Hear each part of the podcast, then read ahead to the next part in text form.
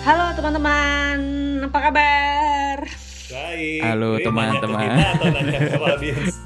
Karena kita juga nggak ketemu. Iya, jadi kita halo-haloin aja lah, Sam semuanya, Sam. iya. Intinya Iya. kita pengen terus menebar positifme, terus optimisme di tengah pandemi COVID ini. Yes. Saya baca studi terbaru katanya yang paling optimis itu Mm-mm. eh, di dokumen-dokumen pemerintah, perencanaan pemerintah mulai soft normaling, mulai PS, PSBB itu mulai di apa buka perlahan gitu eh, akhir Juni. Oh ya berarti list itu bukan hoax ya Mbak eh? Kan Apa? kemarin kemarin kemarin ada timeline mau dibuka Ada. kapan, terus boleh ini kapan, boleh ini kapan, berarti kan bukan hoax itu ya sebenarnya sebenarnya menurut informasi yang aku dapat ya Mhm. itu bukan hoax tapi seharusnya dokumen perencanaan yang masih draft kagak boleh disebar sebenarnya karena itu tuh Tapi hasil presen Aduh. karena itu bahan presentasi rapat jadi belum jadi keputusan Iya, tapi saking nggak sabarnya orang untuk terlepas dari ini semua, jadi kayak ini Jadi, sebuah angin surga ada gitu. mungkin dimulai dari peserta rapat online itu yang screen yang copy Yang eh, yang foto ya. moto Itu, moto. moto slide itu Mhm. terus dia sebarlah di eh, WhatsApp grup eh, ininya keluarganya apanya timnya akhirnya tersebarlah tuh barang. Lanjut. nah lanjut. Nah, jadi intinya gini, eh, dalam rangka menyebarkan optimisme dan positifme, saya pengen menyampaikan satu buah concern. Boleh nggak nih Mister sama Semi? Ya boleh apa itu? Silakan silakan silakan. Concern pertama, sekarang kan kita kalau menargetkan numbuhin omset kalau bisnis susah banget. Jadi yang paling Hmm. mungkin kan kita tuh gimana caranya supaya bisa bertahan. Dari survei gue, survei UKM Indonesia, itu dari eh, 200 lebih responden, hanya 8% yang mengaku ngalamin peningkatan omset justru blessing in disguise gara-gara si Covid. Termasuk jadi 8% itu termasuk Samuel tadi ya. Iya, masuk Samuel. Sama lu beras organik lu. Ya, lu lu yang lebih obvious.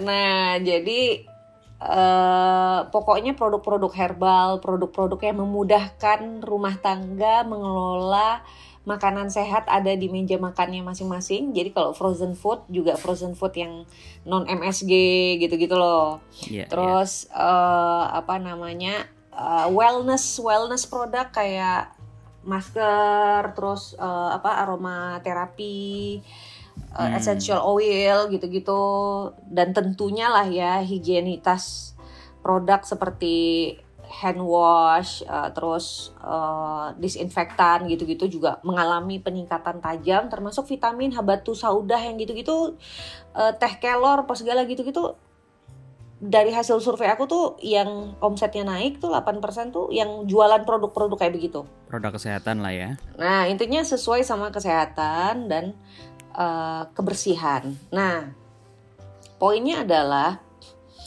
ini kan kita nih kan ibaratnya orang Indonesia kan jorok ya, ngaku aja deh kita. Makan bakso di pinggir jalan, airnya dari air hujan kagak apa segala gitu kan. Itu normal dulu kayak gitu. Nah sekarang gara-gara covid kita tuh dibikin kayak kayak dipaksa oleh alam semesta jadi lebih peduli kebersihan. Hmm. Jadi concern yang dulu nggak pernah nanya ini frozen foodnya dibikinnya gimana ya, ngebersihinnya gimana ya, pakai air yang di baskom atau air mengalir ya, Ya, atau mungkin pakai keran. Kalau gua, kalau gua lebih praktikalnya gini. Gua sekarang kalau mau makan di restoran atau makan bukan makan di restoran ya, mau beli makanan, Heeh. gue lihat si Uh-uh. pedagangnya itu pakai masker atau pakai eh, ah, apa namanya face face face shield ya. Face shield. Itu. Iya. atau enggak gitu. Kalau enggak Kalau nggak Hmm. mau nggak jadi. enggak jadi. Parno. Iya, gitu. Nah, nah itu loh maksud aku. Sehingga ini ada consumer behavior, ada perilaku konsumen yang akan menjadi normalitas baru kan kata orang. Yang dulu itu yang cuek adalah yang normal. Ya elah kita orang Indonesia mah udah biasa kali sama bakteri sama bla bla bla gitu kan. Ya, Nah sekarang nggak gitu lagi bro gitu. Sekarang eh, sekarang kalau produk kita tidak mengikuti standar higienis, kita tidak berbenah dari sekarang, ya. Hmm. Eh, nanti setelah COVID selesai, masalahnya tuh kecil banget kemungkinan konsumen itu akan balik lagi ke habit dulu, yang cuek, nggak peduli gimana proses produksi, nggak peduli sama narasi deskripsi profil digital kita. Sekarang ini konsumen, ini kan andalannya dari profil digital aja konten yang kita lihat di sana kan kita nggak bisa kunjungin fisik Hmm. Iya, betul. iya kan kita kan nggak bisa kunjungin fisik jadi ketika ada perusahaan atau badan usaha yang profilnya jelek fotonya nggak meyakinkan eh, kan kita langsung ilfeel gitu gitu kan. Konsumen langsung ilfeel. Nah jadi maksud aku kalau misalnya kita tuh mau cepat survive lagi nih pasca covid maka yang saya usulkan hari ini kita membahas lebih detail gimana nih untuk berbenah supaya waktu ini nih bisa kita pakai sebagai waktu berbenah benerin website ke benerin logo ke benerin staffing ke atau mungkin kalau aku juga concernnya karena UKM tuh suka menganggap remeh masalah keuangan ya aku pengen sharing tips-tips pengelolaan keuangan juga gitu loh sehingga teman-teman Hmm. pendengar tuh bisa tahu action gitu kan kayak kayak misalnya mitra aku tuh ada yang jualan jus kan Hmm. Nggak tutup jusnya karena ada di GoFood sama GrabFood. Cuma jam operasional berkurang kan Mister? Karena ngapain lo buka lo buka eh, 24 jam. apa 24 jam? Nggak ada yang mesen juga gitu kan. Jadi kan ditu- diturunin. Akhirnya dia jadi punya waktu luang beberapa jam per hari kan? Iya, iya, iya, betul.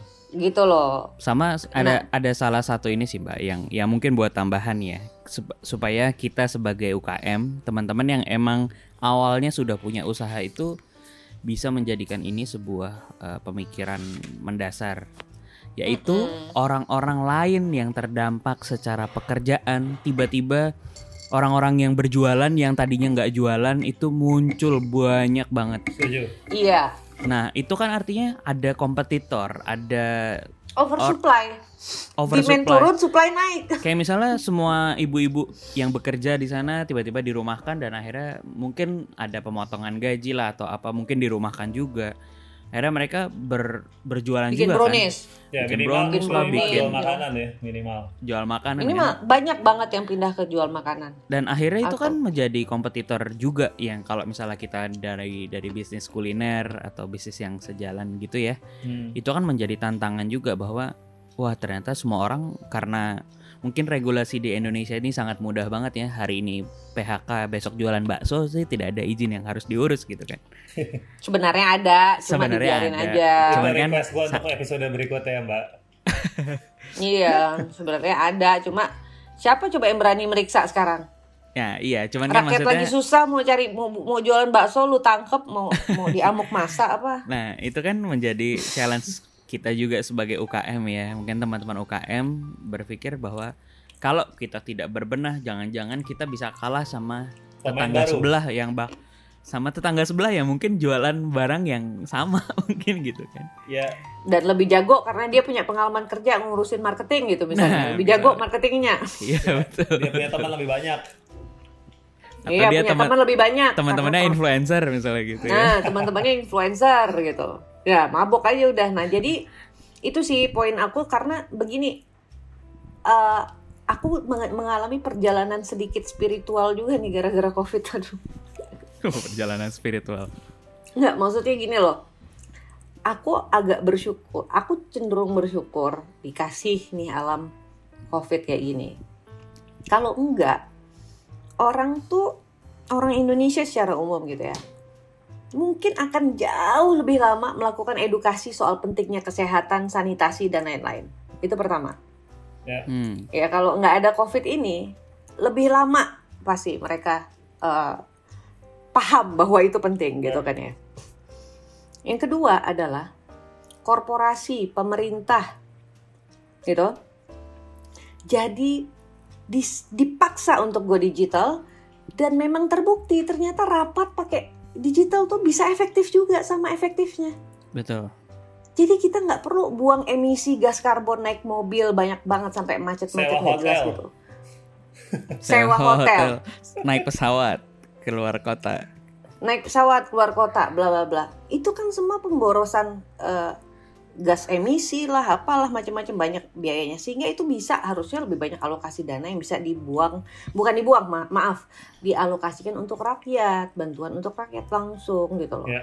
Dan eh, sehingga kita tuh mestinya bisa menjadi suatu bangsa yang paham banget apa yang prioritas dan apa yang tidak gitu. Nah, Betul. Nanti ini kaitannya sama pebisnis apa? Pebisnis harus sudah menduga bahwa konsumennya nanti itu cuma milih produk yang prioritas. Betul. Cuma akan milih mengkonsumsi produk yang value-nya, yang manfaatnya tuh jelas gitu. Kalau enggak, nah ini yang teman-teman makanya yuk kita mulai yuk kasih tips para pendengar untuk berbenah. Nah, siapa dulu nih yang mau mulai sharing nih? Oke. Eh kalau boleh ya, aku ya. Ah, Mister dulu kali soal marketing soalnya nih bro. Mm-mm, Jadi kalau aku melihat sekarang eh, banyak sekali usaha-usaha yang struggle ya, struggle eh, dan evolve sekali sekalian gitu ya. Kenapa? Karena kan memang misalnya let's say di industri makanan atau di industri-industri lain ya, yang yang aku lihat selama ini misalnya, let's say sebut merek, ya, aku sebut merek aja contoh. Misalnya belum lama ini aku terima email dari Chatime, grupnya Chatime. Itu ada Gindako, ada apa segala macam. Mereka tiba-tiba ngirim email, eh, dalam emailnya tuh ada tulisannya. Sekarang order bisa dilakukan melalui WhatsApp, direct. Hmm. Terus aku bilang, wah gila juga nih. Aku, aku coba deh, gitu kan. Mm-mm. Mereka email, mereka punya eh, nomor terpusat untuk beli, cuman beli minuman. Padahal kan mungkin sekarang secara habit orang awalnya mereka datang ke mall, mereka melihat minuman, ya mereka beli di sana kan. Terus karena Mm-mm. mallnya tutup, oke, terus masih bisa jualan lewat gerai-gerai yang nggak ditutup karena mallnya nggak ditutup. Jadi mereka bisa Iya. order, mereka lewat, eh, let's say lewat Gojek, Grab dan sebagainya gitu kan Mm-mm. itu kan mungkin kalau dari segi bisnis kita ngomongin aja langsung ya Eh, pasti kan kepotong dong karena mereka pakai jasa orang luar kan gitu Hmm. Yoi. baik dari jasa kirimannya terus ada komisi juga kan gitu karena secara sistem dibantu gitu. Hmm. ternyata si brand si brand grup brand ini mereka melakukan satu inovasi baru gitu. breakthrough gitu mungkin mereka ingin mempertahankan margin ya 10% lah 20% atau bahkan 30% mereka agar mereka bisa melayani tetap bisa merasa direct gitu Ya.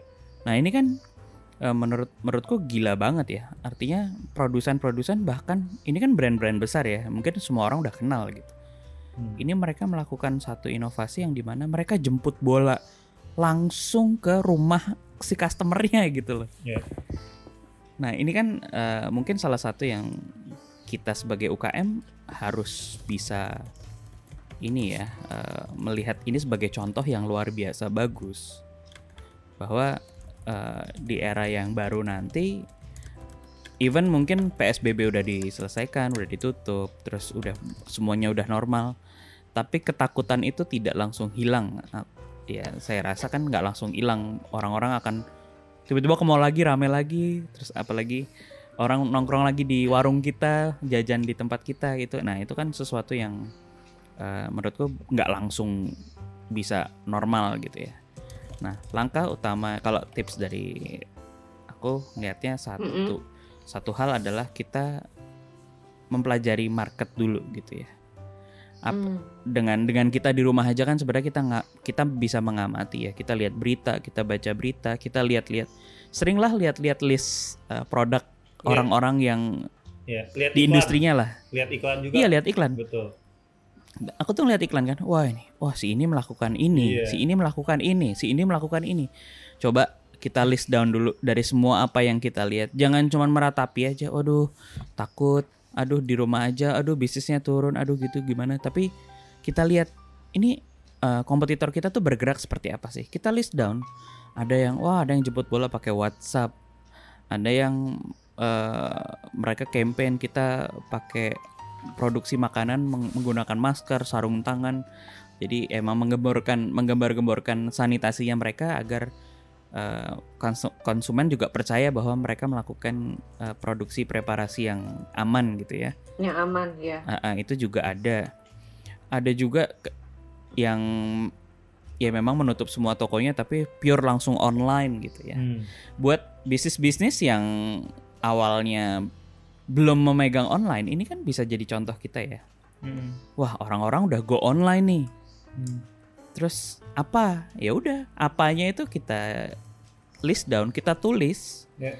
Tolong ditulis. Oh, nih orang-orang udah go online nih. Orang-orang udah masuk Tokopedia, Bukalapak, Shopee, Blibli, Lazada dan sebagainya. Nah, ini inilah saat yang jangan menunda lagi. Ini saat yang tepat buat teman-teman UKM menulis apa aja yang ada di sekitar kita yang mungkin kita belum lakukan. Terus kita susun prioritinya. Oke, yang Pak Menulis itu aku mau kata kunci ya. Ambil pen, ambil, ambil pen, buku ambil buku, atau buka notes di aplikasi handphone, tulis. am- tulis langsung. Bener banget. Tapi- Emang harus checklist is very important. I do that. Ya, Eh. Gue tukang checklist soalnya. gue mau nambahin, gue mau nambahin ini Iya, sih boleh, tadi boleh. elaborate dari yang Mister bilang soal strategi menjemput bola ke WhatsApp ya. Mm-mm. Mungkin banyak dari kita yang menyepelekan data customer gitu. Nah ini penting Mm-mm. banget untuk berbenah juga soal data customer. Bagaimana si chat time itu bisa tahu WhatsApp kita? Ya mungkin karena kita udah pernah uh, beli di tokonya Masukin email. dulu Ah, gitu dan- ya. Lalu kita mungkin ikut undian Mereka- lah mereka atau catat. apalah, mereka catat gitu. Jadi kalau teman-teman uh, uh, pelaku usaha yang merasa sudah punya beberapa data customer, sedikit apa pun data customernya mulai manfaatkan untuk jemput bola. Betul, betul. Ini ini Nah, udah ini- udah pernah kita bahas di episode marketing dulu ya. Digital marketing. Nah, udah, jadi udah pengantar. Siapa pun customer kita, catat nama, minimal nama dan nomor telepon. Kalau bisa lebih lengkap ya lebih baik gitu. Iya. Ini supaya nggak terkesan endorse ya. Aku ceritain lagi bahwa sebagai konsumen aku menerima penawaran informasi bahwa di optik Melawai itu lagi ada diskon alat dengar sama frame kacamata. Gue di WA. Terus Mother Care juga kirim aku WA. Kalbe Pharma nawarin aku.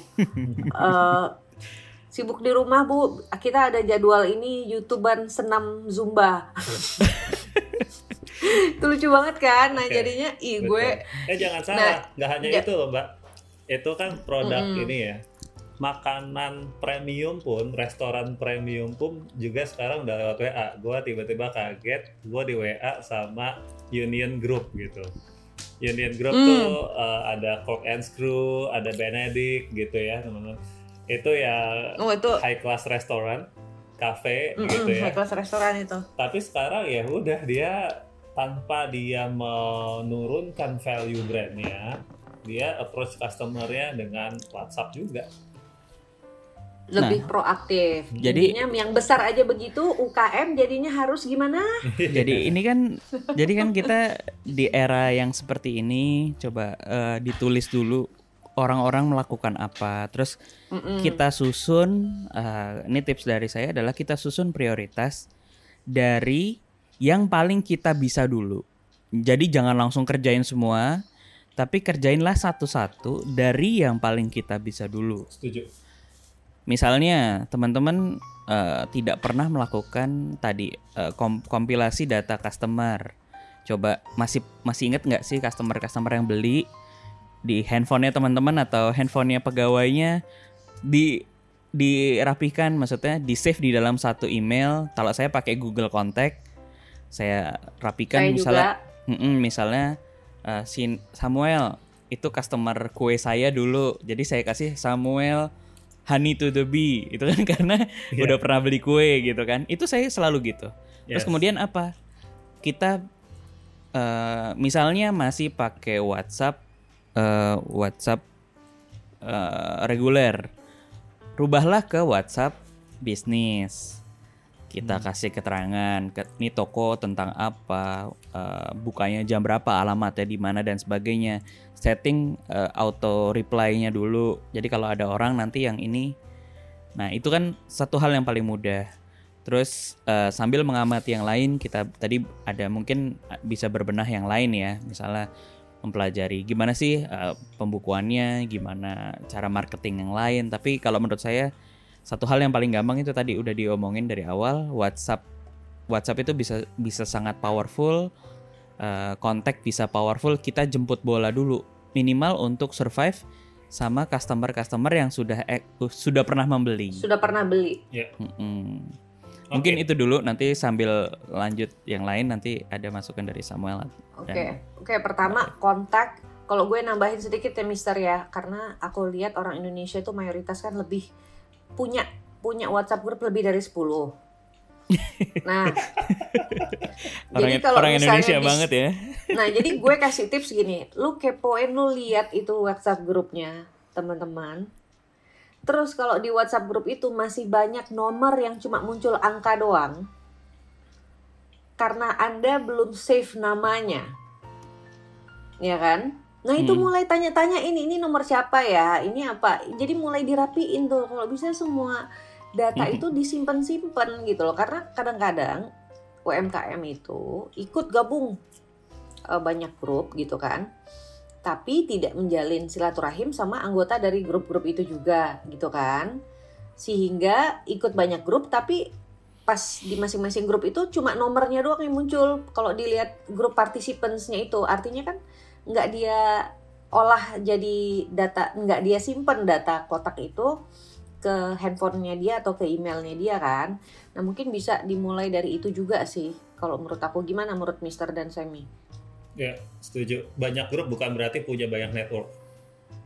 Iya, itu dia.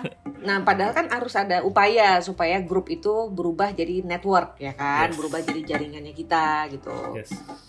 Nah, terus setelah punya jaringan, jaringannya pun mesti disentuh ya kan, supaya ada keakraban, supaya ada silaturahim. Kemudian baru kemudian bisa dikapitalisasi teman-teman. Kagak bisa langsung. Betul. Iya, pen- Betul. nanti Nah, takutnya kayak- jadi spam soalnya. jadi spam Iya. kayak sekarang nih aku mengalami mungkin tergabung di satu grup atau gimana aku lagi terima DM eh, apa kayak broadcast gitu seminggu sekali cuma aku rada sungkan memblok akun itu tau nggak karena apa karena broadcastnya tuh soal minta sumbangan untuk yayasan anak yatim Oh.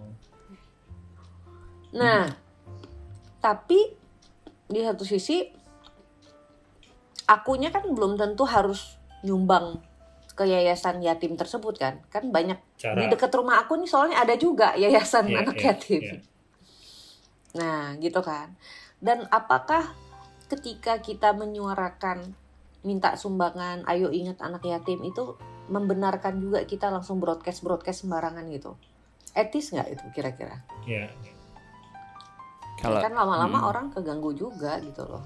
Iya, jangan. Jadi kita juga perlu strategi juga. Nanti mungkin dibahas di episode yang lain ya. Ya. Mm-mm. Strategi untuk untuk yang biar untuk strategi Ya, biar nggak biar annoying. nggak jadi spammer gitu ya. Iya, iya. Sebenarnya nanti ada konten satu nih yang kita bakal sharing dari sama si Afik. Mungkin mudah-mudahan sebagian jawaban soal bagaimana nggak spamming itu ada di konten satunya lagi itu ya. Ya. Hmm, Oke. Jadi Mister tinggal nambahin nanti. Ya siap. Oke. Gimana Oke. Sam? Kita- Ada ada Sekarang Semi. Sekarang Sam. Semi. Oke. Eh, Berbenah apa lagi Sam? Pertama tadi Pertama, kontak sama gue setuju. prioritas. Tadi Mbak Dewi udah bilang kita kebanyakan dari kita memang modenya adalah survive, tetapi juga kita harus melihat ke usaha kita karena bisa aja beda-beda nih fasenya sekarang. Kalau kita ngobrol satu bulan lalu ya relevan kalau kita bilang kita survive.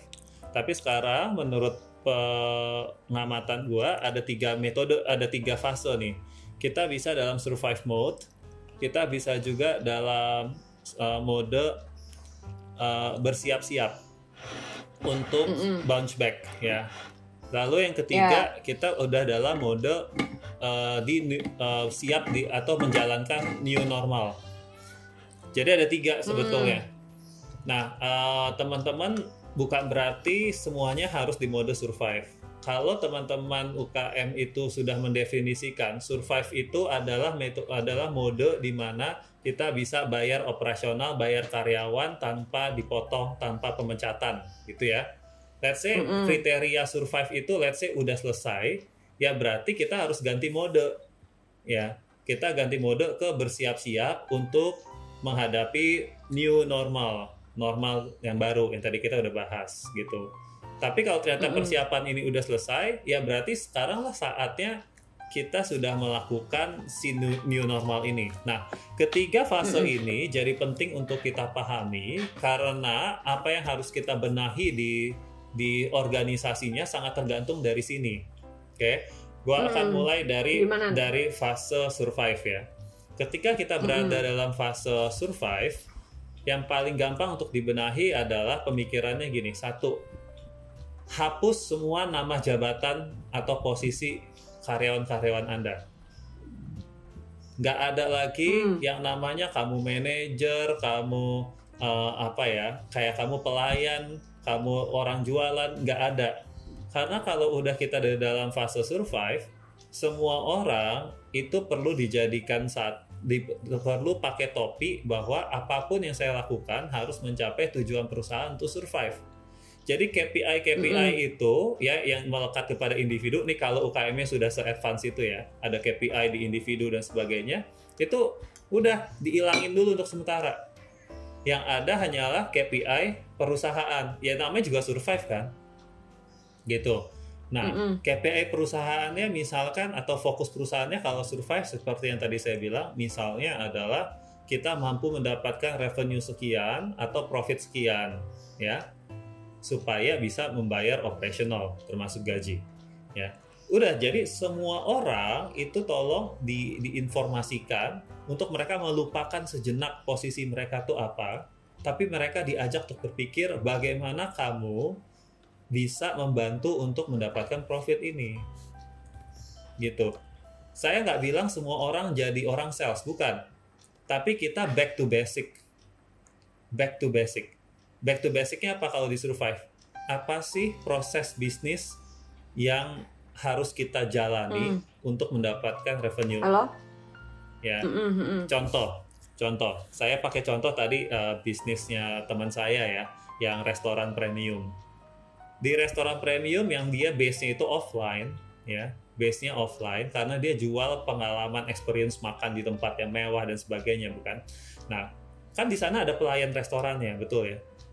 Nah, sekarang karena nggak bisa ada eh, pertemuan offline, maka pelayannya ini ngapain? Ya pertanyaan adalah apa yang pelayan ini bisa lakukan, pelayan restorannya bisa lakukan untuk membantu penjualan kan gitu ya. Dan akhirnya diberdayakannya adalah dengan cara apa? Jadi internal kurir.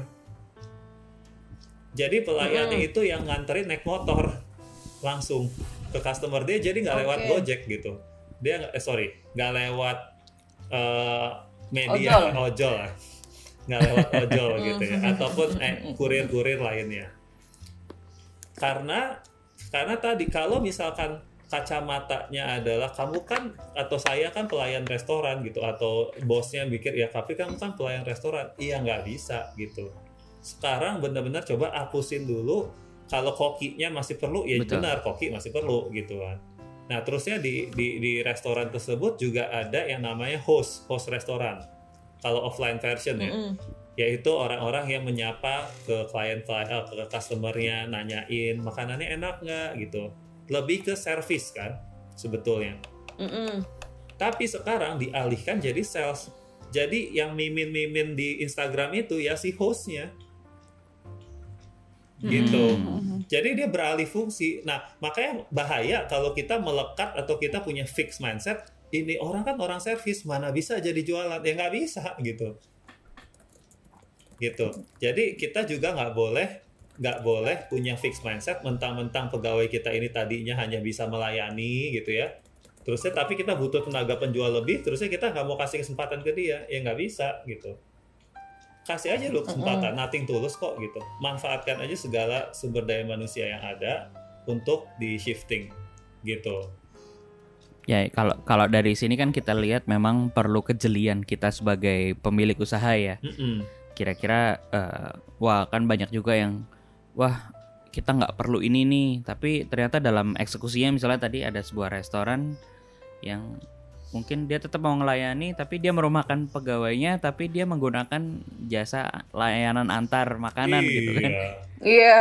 Nah, ini kan perlu perlu di- ditimbang satu di ditimbang terus kemudian dihitung lagi Betul. Jangan-jangan kita mungkin nggak perlu kok merumahkan karyawan kalau Betul. memang udah punya karyawan, tapi kita malah justru memberdayakan. Ini seperti ada teman gue juga, jadi Hmm. eh, teman gue punya bengkel, udah pernah masuk di cerita usaha juga Vespa ya? Vespa, tapi karena Mm-mm. mungkin sekarang eh, orang itu kan hobi ya, karena hobi jadi mungkin bisnisnya sangat ini banget ya, sensitif banget kan.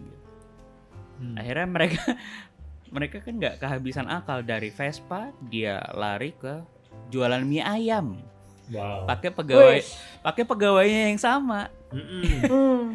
Nah, nah gua ini kan sebenarnya sebenarnya ini banting Jualan setir mie, a- mie ayam pakai Vespa. ini banting ini banting setir cuman menurut Bisa jadi seru tuh. menurut menurut saya sih ini sebagai salah satu ya ya mereka ini ini hasil brainstorming mereka untuk survive bareng ini di mode betul. survive Ini ya. kan mode survive. Ini bagus banget sih, Mister. Jadi Mm-mm. kalau mode survive itu gampang gini. Kita lihat bisnis kita masih relevan nggak untuk di masa sekarang, ya. Tadi kan analisanya Vespa jadi tidak relevan, betul ya? Berarti kita harus cepat-cepat cari produk yang lebih relevan, ya kan? Iya.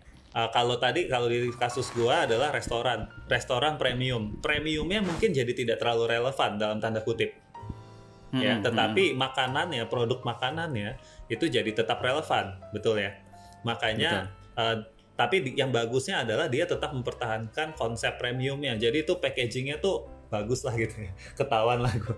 ini kelasnya nggak berubah gitu loh ya nah, itu satu Ya. rasanya juga nggak berubah dan sebagainya Eh, benar jadi ini yang gue mau sebut ya ini konsep yang namanya agility ya kemampuan untuk agile sekarang jadinya sangat penting gitu untuk Lincah, tadi lincah, kelincahan. kelincahan. Nah ini untuk survival mode. Nah sekarang masuk ke gimana kalau saya udah masuk di getting ready atau bersiap-siap untuk bounce back. Nah ini beda lagi. Di sini mungkin saatnya teman-teman UKM membuat tim kecil, membuat tim kecil Mm-mm. untuk tim ini jadi think tank, jadi tim ber- berpikir dan melakukan riset. Riset Hmm. apa? Riset yang seperti Mbak Dewi udah kemukakan. Apa new normal di bisnis kita? Apa new normal di Mm-mm. industri kita? Karena yang paling tahu industri kita harusnya kita. Gitu. Kita nggak bisa Ya. ikut-ikutan, oh kata McKinsey atau oh kata Bloomberg, ini new normalnya seperti ini. Ya itu boleh jadi acuan, tetapi coba dilokalisasi gitu loh dilocalize dengan kondisi market kita sendiri. New normalnya apa? Jadi bentuklah tim yang untuk melakukan riset untuk kita bisa memprediksi satu new normal di customer kita, new normal di kompetitor kita, new normal di industri kita. Itu satu. Nah, setelah itu output dari riset itu apa? Pengembangan produk misalnya atau eh, adanya improvement dalam hal proses-proses tertentu. Ya, atau tadi yang Mister bilang, adanya perubahan cara marketing misalnya. Ya. Atau perubahan positioning Mm-mm. misalnya. Ya, atau ada dibutuhkan pelatihan pegawai ternyata untuk kita bersiap untuk menghadapi new normal. Tadinya pegawai De- eh, misalnya kalau dia restoran tadinya pegawai nggak pernah dilatih untuk apa men- men-serve hidangan restoran misalkan dengan cara yang benar karena sekarang orang semakin sensitif jadi harus dilatih misalnya gitu ya. Atau apalah gitu. Termasuk salah satu yang perlu dilatih itu adalah misalnya kita punya klinik nih punya klinik ya. Atau punya ya katakanlah punya klinik. Nah biasanya kan dokter itu kan harus ketemu kan nah gimana caranya dilatih supaya dokter itu kan bisa konsultasi tanpa ketemu itu kan juga udah jadi skill yang berbeda gitu Ya ini kemarin itu aku ini udah pakai itu ini- aku udah ini pakai satu sekarang konsultasi pakai aplikasi. Mm-mm. sekarang sekarang rumah sakit juga berubah juga kan kayak kemarin eh, aku pernah share ke grup di sama Samuel juga kan Hmm. bahwa rumah sakit Bintaro itu sekarang rumah sakitnya yang mengeluarkan layanan WhatsApp Hmm. Jadi dia bayar dulu lewat WhatsApp transaksi, eh, bayar seperti biasa, terus dikasih kesempatan 20 menit ngobrol by WhatsApp call ke dokter yang dia lempar. Hmm. Itu sesuatu sih itu. Jadi jadi kan orang tetap datang, eh maksudnya orang tetap tatap muka, orang bisa menunjukkan gejalanya apa, eh, simptomnya apa, konsultasi gitu ya. Hmm. Tapi ini yang dilakukan eh, sebenarnya ini sudah kalau ngomongin breakthrough udah dilakukan duluan sama Halodoc misalnya aplikasi kita se- aplikasi, misalnya iya. contoh Halodoc dan aku udah sebagainya. make itu. Tapi kan gara-gara new normal ini rumah sakit juga nggak mungkin tutup kan Iya.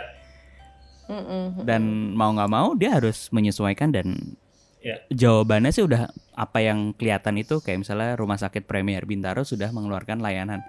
Saya dengar juga dari rumah sakit Pondok Indah misalnya juga eh, mengeluarkan layanan eh, konsultasi berbayar tapi lewat Iya. video call dan sebagainya. Ini kan juga salah satu Betul. bentuk yang tadi. Nih, gue punya gue punya hal satu yang kita coba bedah ya. Namanya kan kita suka cerita usaha, ini kan suka bedah-bedah ya. Barusan banget gue kepikiran bisnis yang sebenarnya tetap relevan, tetapi gue rasa belum ada yang cukup breakthrough untuk menghadapi new normal ini, yaitu apa? Bisnis potong rambut. Gua sekarang Wah. udah, gua sekarang udah nggak nggak nyaman banget dengan rambut gua, sampai harus pakai bando, guys. Tapi Oh my god. tapi gua nggak bisa potong sendiri. Lalu ke manakah tem- orang-orang yang apa uh, tukang pangkas rambut itu? Bisakah dia kalau gue jadi tukang pangkas rambut, mungkin gua akan nawarin jasa, lo gua pakai video call, lo potong sendiri, tapi gua ajarin gitu.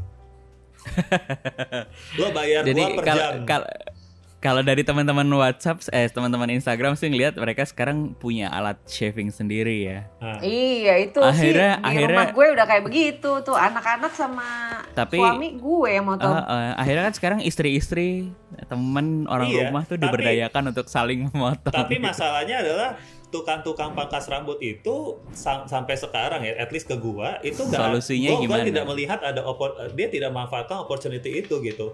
Ya oke lah yang mangkas emang kan si ibu-ibunya ini, tapi kan ibunya ini sebenarnya kalau kalau gua ngeluarin course gitu ya, eh, bisa potong rambut, eh, course untuk bisa potong rambut anak gitu atau potong rambut suami gitu.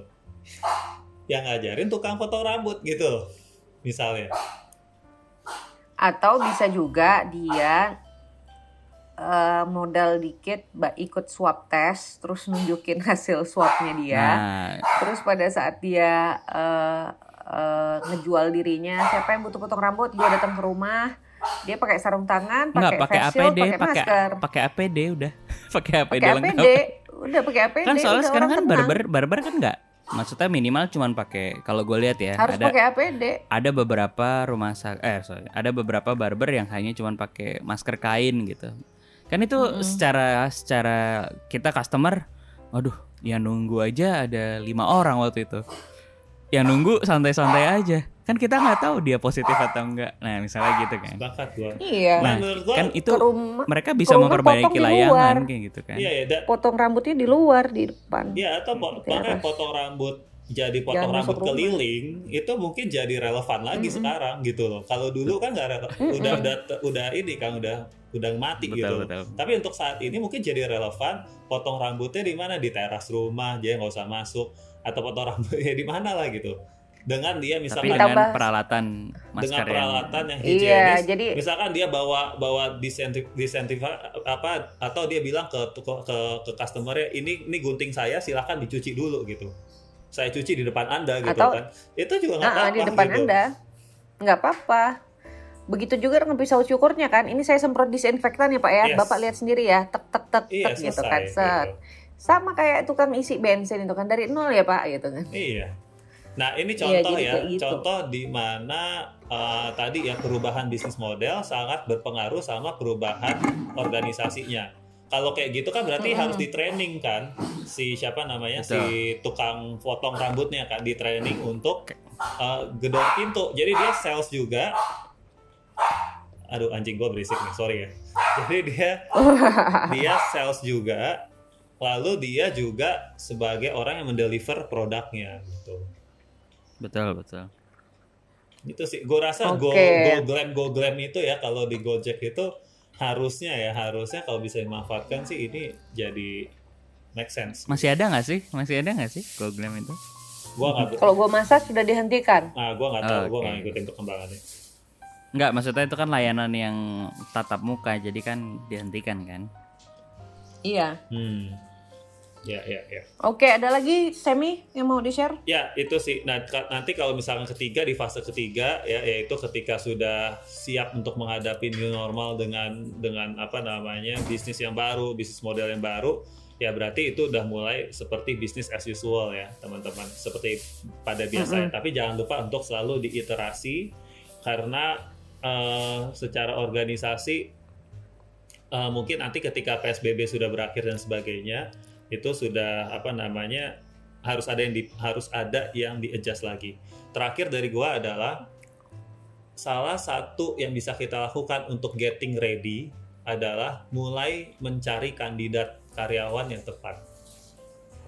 Loh, kok masa pandemi justru harus mulai merekrut? Saya nggak bilang harus tanda tangan kontrak sekarang, tapi mulailah interview, mulailah cari. Kenapa? Karena sekarang banyak orang-orang berkualitas yang karena tidak beruntung aja perusahaannya terkena dampak jadi dia harus dirumahkan gitu. Mm-mm. Nah inilah saatnya saatnya untuk mencari kandidat-kandidat berkualitas yang selama ini mereka merasa gua nggak mungkin lah kerja di tempat lo gitu ya. Tapi mereka sekarang lagi butuh gitu. Ya. Ya jadi ini saatnya untuk mulai mencari talent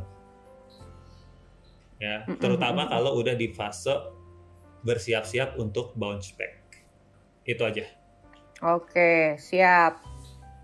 Teman-teman, berikutnya eh, terkait masukannya si Semi ini, aku mau sedikit pengumuman.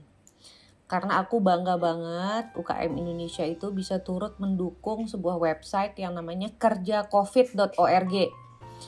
Nah, si Semi ini kan barusan ngomongin soal tukang cukur rambut nih.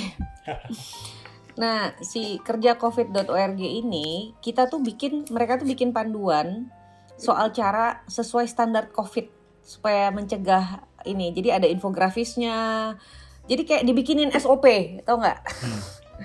Nah, jadi teman-teman tuh kalau mau tahu gimana standarnya cara melayani dari cuci tangan, dari alat apa saja yang perlu dibawa waktu motong rambut atau bengkel yang udah dibikin di sini itu potong rambut, barista, bengkel, terus apa lagi gitu. Nah, aku lagi eh, kita lagi proses bikin standar kerja COVID pak, eh, untuk produsen pangan rumahan. Nah, jadi eh, silakan dibaca ya teman-teman ya. kerjacovid.org.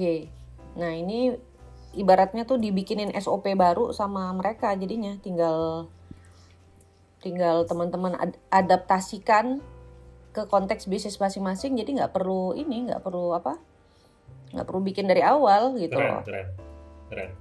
Nah silakan nih dicek aja nih. Aku langsung share link ke Semi sama ini. Aku bangga banget sebagai supporter pertama. Mantap Ya, nah, jadi em, berikutnya ya, ini berbenah karena gini loh, setelah awalnya punya nggak SOP, punya nggak standar. Oh begitu, abis dari ketemu klien cuci tangan dulu, abis itu buka tas, abis itu begini-begini perhatikan area ini, area itu kan nggak ada kan SOP tertulis kebanyakan UMKM. Nah, Mhm. aku senangnya sama si kerja covid ini karena SOP tertulis itu tuh ting- udah dibikinin. Anda tinggal ambil tinggal atau lihat diterapkan. terapkan. Terus modifikasi dikit-dikit kalau ada yang nggak sesuai gitu. Ya. Nah Ah, jadi betul. jadi ini ibaratnya kalau boleh ini jadi new normalnya UKM punya SOP tertulis. Ini jadi ini aku sambil lihat kerja covid.org. iya sama mm-mm, Ini emang gila banget ya. Maksudnya itu effort Ini- bikin kontennya gila loh Ini eh sebuah harta karun. Kalau teman-teman karun. kalau teman-teman UKM nih baik ini ada yang bengkel, tukang cuci cuci apa namanya? tukang laundry ada Mm-mm. eh, loper koran bahkan panduan barista, tukang cukur rambut. Iya, eh. Ini udah Satu, ya ini yang menarik banget nih ya, Ter sama Mbak Dewi. Ini yang gue nggak pernah Hmm. kepikiran adalah sediakan dua tempat untuk uang pembayaran dan uang kembalian. Ini Hebat kan? ini menjawab keresahan gue ya. Setiap kali ada Hmm. merchant-merchant Betul, atau toko yang nggak bisa pakai digital money. cashless ya. Eh, tapi yang Mm-mm. gue penasaran, nah ini uang itu boleh ya disemprot disinfektan, dis, desinfektan ya ternyata ya. Ya apalagi opsi ya boleh aja lah selama kagak gua kebasahan bukan kagak boleh sih, sobek. bukan boleh sih maksudnya kayak rusak gak Rusak sih gitu loh enggak? Iya, gue tuh gue sih nyemprot uang gue pakai desinfektan, tapi kan ini karena uang pribadi gue ya, nggak banyak juga, jadi Mm-mm. ya ya udah gitu. Kalau- uang toko gitu, Kal- Kalau gue sih ini disimpan dulu hari ini, besok baru di. Jadi benar tuh ada dua kotak itu, naruh Mm-mm. duit, naruh duit uang transaksi masuk, kan kita simpan satu dua hari, kan kalau secara Mm-mm. virusnya udah nggak ada kan, karena di di di benda mati gitu kan.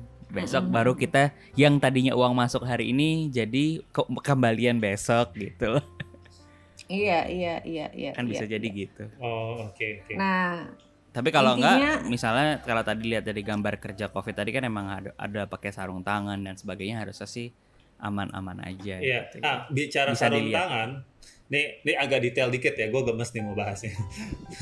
Jadi mm-mm. bicara sarung tangan, gue kan juga masih sering belanja ke swalayan ya. Dan mereka swalayan modern jadinya semua pakai sarung tangan. Tapi gue wondering, ini sarung tangannya diganti berapa jam sekali ya?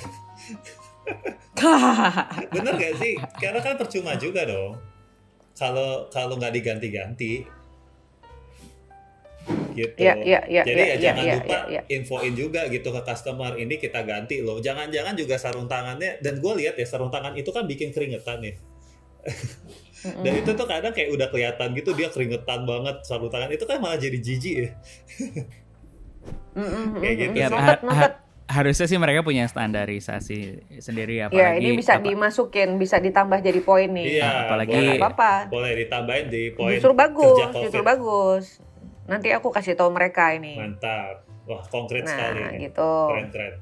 Nah, jadi eh itu ya teman-teman maksud aku bukan hanya konsumen kalau bisa yang punya new normal baru, kitanya pengusaha juga punya new normal yang baru. Yes. Jadi kalau misalnya sekarang ada ngejual layanan eh, balik lagi ke tukang cukur, ada layanan tukang cukur eh, pakai APD gitu ya. Tapi kan bisa jadi setelah COVID pun pakai maskernya, pakai sarung tangannya, semprot disinfektannya, kenapa enggak tetap dipertahankan setelah COVID pun gitu kan? Karena it's still very good untuk ketenangan konsumen gitu.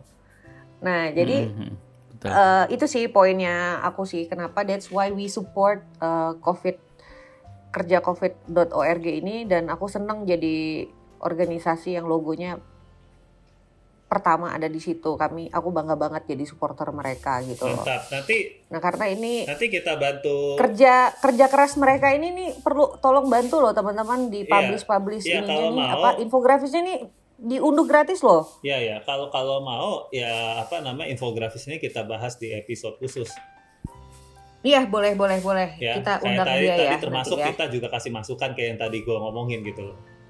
Ah, ah, ah, ah, ah. itu mere- mereka eh, mau senang banget malah Iya. dapat masukan kayak gitu. Jadi intinya sih kalau dilihat dari apa pun fase yang kita lagi alami, eh, kita kan memang di fase lagi agak pelan sedikit. Nah, lagi agak fase ini kita jadikan sebagai ajang buat belajar banyak sebenarnya. Belajar banyak. Belajar Dan banyak mengamati. Terapkan. Nah, eh, terus kemudian kita terapkan sesuai prioritas yang bisa kita lakukan. Jadi jangan eh jangan hanya berpikir lihat terus tanpa diterapkan. Lagi-lagi eh, saya selalu menyarankan bahwa lakukan walaupun itu kecil tapi tetap kita lakukan dari apa yang kita pelajari. Sepakat. Dan terakhir dari gua adalah ini saatnya juga berkolaborasi. Itu. Mm-mm. Ka- kalau kita susah untuk menangin market sendirian, ya emang pasti susah gitu. Tapi kalau berkolaborasi, bersedia untuk keuntungan kita mungkin berkurang dikit, tapi kita karena berkolaborasi demi mencapai market yang lebih banyak, ya why not gitu. ya. Betul. Betul, Uh, betul. contoh pribadi, uh, gua juga lagi di approach nih sama digital training online platform Mm-mm. untuk uh, apa namanya bikin konten eksklusif di sana gitu. Mm-mm. Nah, uh, selama ini gue pengen punya platform itu, tetapi kan sekarang yang namanya bisnis lagi begini, ya modalnya besar banget kalau gue bikin sendiri kan gitu ya. Nah kebetulan ini ada Mm-mm. yang approach, ya udah kenapa enggak gitu. Nanti kalau udah ada, udah keluar, udah jadi, udah kontraknya ada, ntar gue kasih tahu deh di mana platformnya, uh, gue akan ngajar soal apa gitu. Mantap, Semi. Selamat, Semi. Yang terampil itu ya, Sam, Iya, ya? ha, terampil.com. Ya, itu tim gue ada juga yang di kontak sama dia tuh. Mm-mm. Gue juga sih. Tapi bukan gue nya, tim gue. Berarti kaderisasi gue berhasil. Bagus. Ah, ah, ah, Bukan bagus. gue doang yang terkenal, Sam. Itu, Sam. nah, tim gue juga dikontak, Sam, gitu, Sam. Nah, Gitu. Oke, Ya eh, udah. aku mau nambahin sedikit aja untuk konteks UKM ya, untuk UKM yang non jasa seperti Semi. Kolaborasi ini bener banget Sam, karena beberapa teman-teman kita, mitra kita itu ada yang misalnya sesama produk snack nih, Hmm. mereka bareng-bareng guyup bikin produk paket, paket lebaran, parcel. Wow, keren banget. Nah, jadi yang tadinya misalnya aku nih cookies keren atau keripik yummy babe, aku mention aja ya semua nama produk-produk mitra kita yang Boleh. aku yang recommended gitu. Hmm. Keripik yummy babe, eh, ini contoh yang udah mereka lakukan sama tempe kahla. Di Sukabumi itu mereka mengumpulkan beberapa UKM unggul lainnya yang produknya tuh dianggap satu standar lah, udah enak. Karena gue udah nyobain semua produk itu dan emang enak gitu. Ya. Nah, mereka guyup bikin satu paket parcel. Isinya ada kahla, isinya ada yummy babe, ada haji nonoh gitu, keripik pisang haji nonoh dan lain-lain. Nah, akhirnya apa? Akhirnya mereka bertiga, berempat ini jadi punya empat pasukan pemasaran kan? Betul. Dan basis masanya Iya. tukeran. Marketnya beda-beda. Nah, iya karena saling menambahkan jaringan satu sama lain juga gitu Setuju. loh. Nah ini ini teman-teman bisa silakan praktekkan loh selama asal hitung-hitungannya clear aja di depan gitu. Ya. Sama Mau kemarin lihat sama kemarin lihat satu contoh eh, di grup ada yang jualan bareng, akhirnya bikin katalog bareng. itu kan iya, itu Iya. kan lucu juga ya buat iya. Iya ya keren Itu banget sih. sekarang emang udah di Hollywood juga udah membaca itu kok makanya sekarang udah nggak ada film Iron Man, film Superman itu udah jarang banget ya Ah. sekarang filmnya Avengers. Jadi penggemarnya Iron Man sama penggemarnya Hulk gitu ya menyatu gitu ya. Ya, ter- Menyatu. terbukti juga kan dari jumlah penontonnya luar biasa gila di Luar biasa di gila. film Jadi- yang emang bareng ya kan. Iya iya. Itu kan film itu kalau di breakdown filosofinya itu Avengers itu murni kolegial leadership loh karena nggak ada ketua tim Betul. Bahkan Captain Amerika bukan ketua ya, karena kadang-kadang si Wakanda pun juga Black Panther bisa jadi Mm-mm. pemimpin di situ. iya itu kolegial leadership jadi di mana semua orang tiba-tiba jadi kompak kalau misalnya lagi eh, santai-santai nggak ada masalah. satu musuh berdebat bersama. mulu berdebat mulu berantem mulu sotoy semua gitu kan ya. Tapi begitu ada masalah semuanya langsung tahu bagaimana menempatkan diri dan eh, ngambil posisi ngambil peran apa untuk solving the problem Betul. gitu. Dan- so Dan it's itu film yang penting banget buat anak-anak gue. Ntar belajar kolegial leadership. Dan sekarang kita punya leadership. kita punya sekarang punya satu musuh bersama guys, yaitu Ah. pandemi dan ekonomi yang lagi slowing down. Ini musuh kita bersama. Iya. Jadi ada baiknya ya kita juga menyelesaikannya ya bersama-sama. bersama-sama begitu Begitu. Sip. Mungkin satu satu ya eh, satu lagi buat teman-teman yang dengerin cerita usaha episode ini eh, kita berharap banget ada feedback dari teman-teman semua lagi mengalami apa, lagi ada permasalahan apa, ada pertanyaan apa, silahkan kirimkan melalui DM di Instagram @ceritausaha atau masing-masing saya di @mrpopo, eh, ada @samuel amarta, Pandu Amarta apa Samuel Amarta ya? Samuel Amarta. Samuel Amarta dan at Dewi Maisari. Silahkan kirimkan. kita bales kok Mm-mm. hampir nggak Jadi ada barang, yang nggak barangkali dibales. memang ada topik yang memang perlu kita angkat yang sangat urgent dari pertanyaan ataupun kritik dan saran dari teman-teman semua. Setelah ini bisa kita jadikan salah satu topik bahasan karena ini kan sedang menghadapi musuh bersama itu kan. Jadi Yeah. mungkin ada pertanyaan yang lebih spesifik mendalam di sana. Oke, teman-teman, aku masih ada ruang buat aku sharing dikit nggak? Boleh, boleh. Nah, kalau aku cuma singkat padat aja, intinya eh, kalau boleh teman-teman yang berbisnis, tolong sempatin juga di era sekarang untuk melihat keuangannya. Ini contoh kasus ada mitra kami yang binaan kami itu selama ini selama ini tuh ya dagang kan kebanyakan closing di WA kan, transaksi di WA apa segala. Terus dia nggak pernah nyatet, dia nggak pernah tahu jadinya omset dia tuh berapa. Padahal dia minta bantuan kami untuk difasilitasi akses pinjaman. Nah aku bilang nggak akan mungkin nih eh, bisa dapat akses pinjaman kalau ibu nggak bisa cerita dan nggak bisa buktikan bahwa tiga paling tidak tiga bulan yang lalu itu tuh penjualan berapa gitu loh. Iya. Nah jadinya akhirnya apa yang dia lakukan? Karena gue paksa gitu ya. Akhirnya history WhatsApp dia yang lama-lama tuh dia scroll up scroll up. Mana nih angkanya yang sampai ada bagian angka? Oh ibu ini. Jadi masing-masing siapa? Pertama dia inget-inget siapa yang beli ya waktu itu ya. Ini dia list ya list. Terus kemudian dia cek history WA-nya gitu. Sampai yang ada angka-angkanya. Terus dilihat tanggalnya. Oh berarti eh, Januari kemarin ada yang beli tuh ini ini ini. Ibu ini ibu ini ibu ini. Apa kertas catatannya tuh difoto mak Bu akhirnya udah saya kerjakan gila ya hampir seharian juga nih saya ngeliatin ini Iya. dia bilang kayak gitu tapi begitu dia post eh, hasil catatannya itu dia foto terus dia kirim ke gue aku tanya lagi sekarang ibu jadi punya pola nggak bisa melihat pola nggak itu menurun apa naik gitu Iya. seneng nggak bisa melihat pola kayak gini? Iya sih bu, dia bilang gitu. Nah kan kalau nggak ada yang maksa, akhirnya dia nggak ngumpulin data-data itu yang Betul. terserak ke mana-mana. Nah jadi kalau boleh pertama sempatkan itu teman-teman histori penjualan itu sangat-sangat penting. Kalau teman-teman tuh males banget gitu ya melakukan rekap rekap transaksi kayak gitu, maka langgananlah mobile banking atau internet banking ini sama juga sih nyisir transaksi tetap harus jelimet sih tetap harus dikepoin satu-satu gitu setiap baris ya kan Ya, kecuali udah dipisah ya, ya apa namanya rekeningnya. Mm-mm. Apalagi kecuali kalau rekeningnya sudah dipisah gitu dan ketika rekening sudah dipisah pun kalau misalnya pentransfer itu nggak nulis berita waktu ngirim itu kan juga kita mesti eh, identifikasi juga tuh eh, konsumen yang mana terus produknya apa yang dia beli waktu itu gitu ya Ya.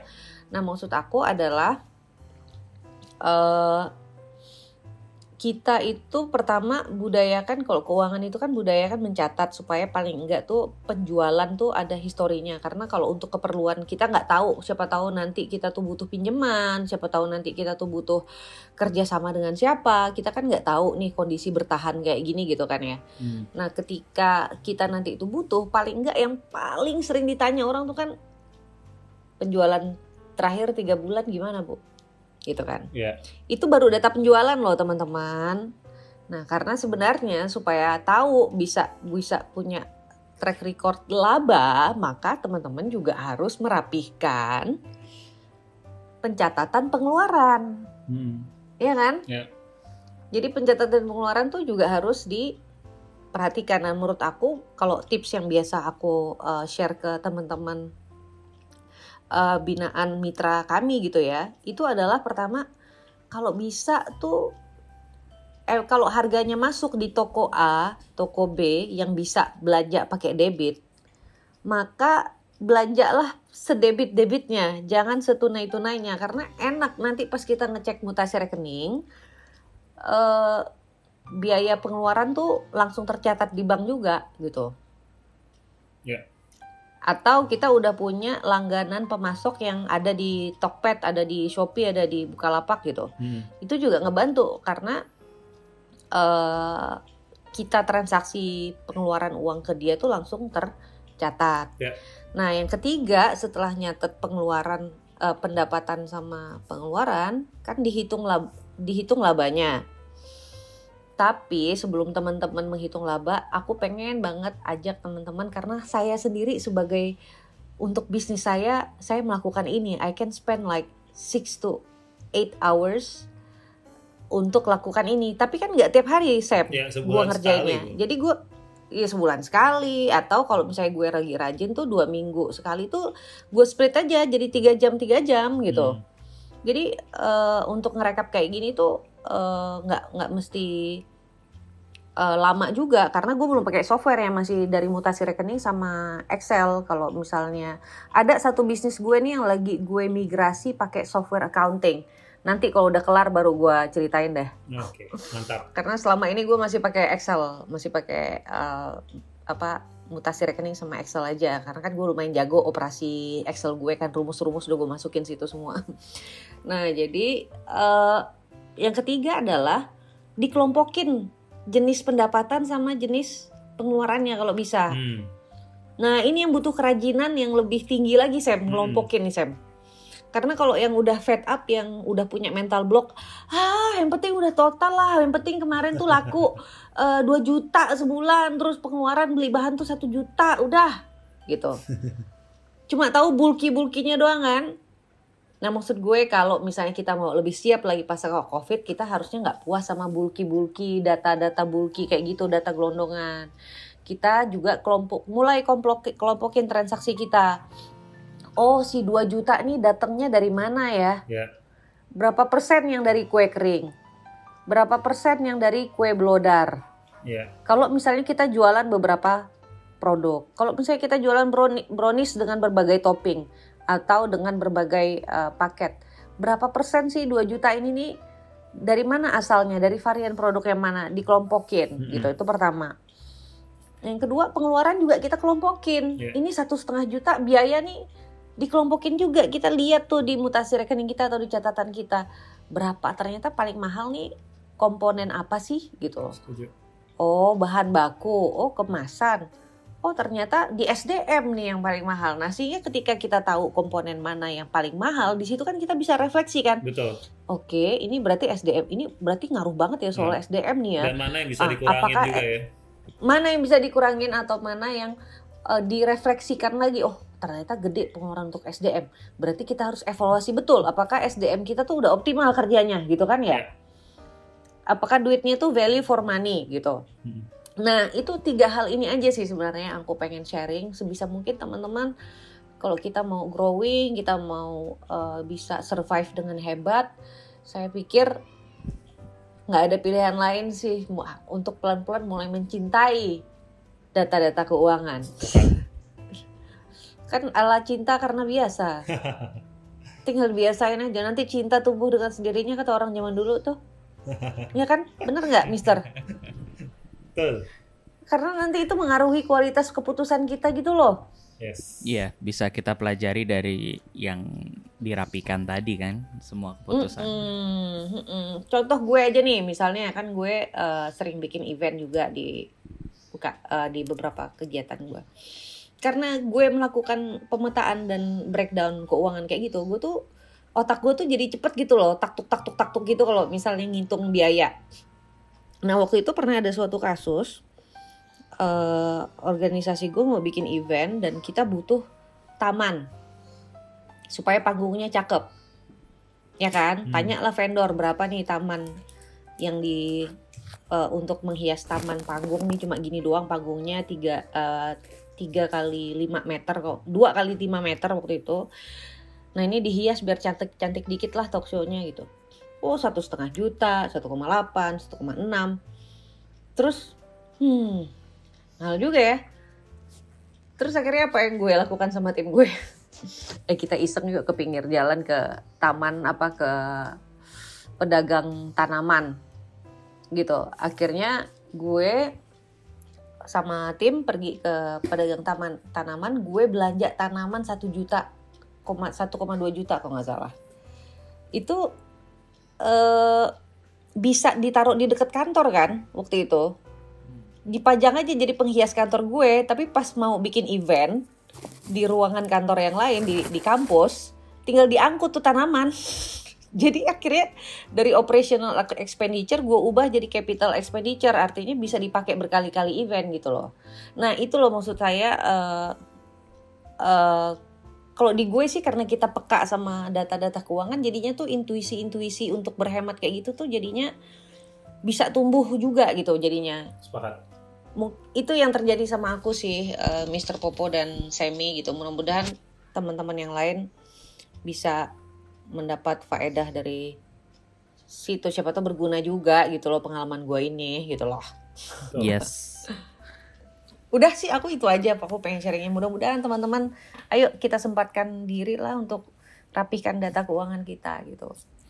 Ya, ya ini sekali lagi tadi kan memang di masa yang agak pelan ini kita coba pakai buat belajar, list down lagi apa yang bisa kita pelajari dari sekitar, dari kompetitor bahkan dari teman-teman lain bisa saling belajar, saling kolaborasi. Mm-mm. Ditambah gini, satu lagi itu kenapa ini relevan banget ya teman-teman? Karena eh salah satu keluhan UKM itu tuh kan susah masarin produknya karena pertama misalnya keunikan dan keunggulan produknya kurang. Kedua, memang harganya mahal. Ya kan? Tapi kalau kita sempatkan, kita sempatkan membreakdown data keuangan kita itu, siapa tahu nanti kita tuh ketemu ruang-ruang berhemat tadi itu. Ya kan? Seperti contoh aku tadi. Jadi yang mana setelah kita ketemu ruang-ruang berhemat itu, ujung-ujungnya kita bisa menawarkan produk kita dengan harga yang lebih bersaing gitu loh. Iya. Itu kan betul. yang mungkin teman-teman itu yang eh, apa namanya perlu bisa sa- bisa jadi sangat relevan untuk growing bisnis kita gitu. Oke. Sip. Oke. Sudah satu Mungkin jam di lebih. episode ke satu jam lebih nanti kita sambung eh, dari feedbacknya teman-teman sama tadi kan ada kita Mm-mm. juga ada PR beberapa bahasan juga ya. Mm-mm. Ya, Jadi mungkin untuk episode kali ini eh, kita sudahi dulu. ya. Mm-mm. Sampai jumpa di episode selanjutnya. Saya serahkan ke Mbak Dewi lagi tadi yang buka kan. Ya, intinya aku pengen supaya kita untung, bukan buntung. Bisnis udah buntung dikit, nggak bisa omset naik, bagus-bagus sudah bisa bertahan, paling nggak secara ilmu kita tetap net positif. Amin. So, mari kita belajar dan mari kita menerapkan apa yang dipelajari sehingga kita bisa berbenah dan menjadi semakin hebat eh, setelah pandemi COVID-19 ini Betul. selesai. Resilient. Itu aja sih doa aku untuk semua para pendengar. Tetap sehat, tetap optimis bahwa kita semua bisa melalui ini semua. Amin. Dengan hebat. Amin. Amin. Mantap. Amin. Ya udah sampai jumpa teman-teman. Sampai jumpa. Bye. Bye.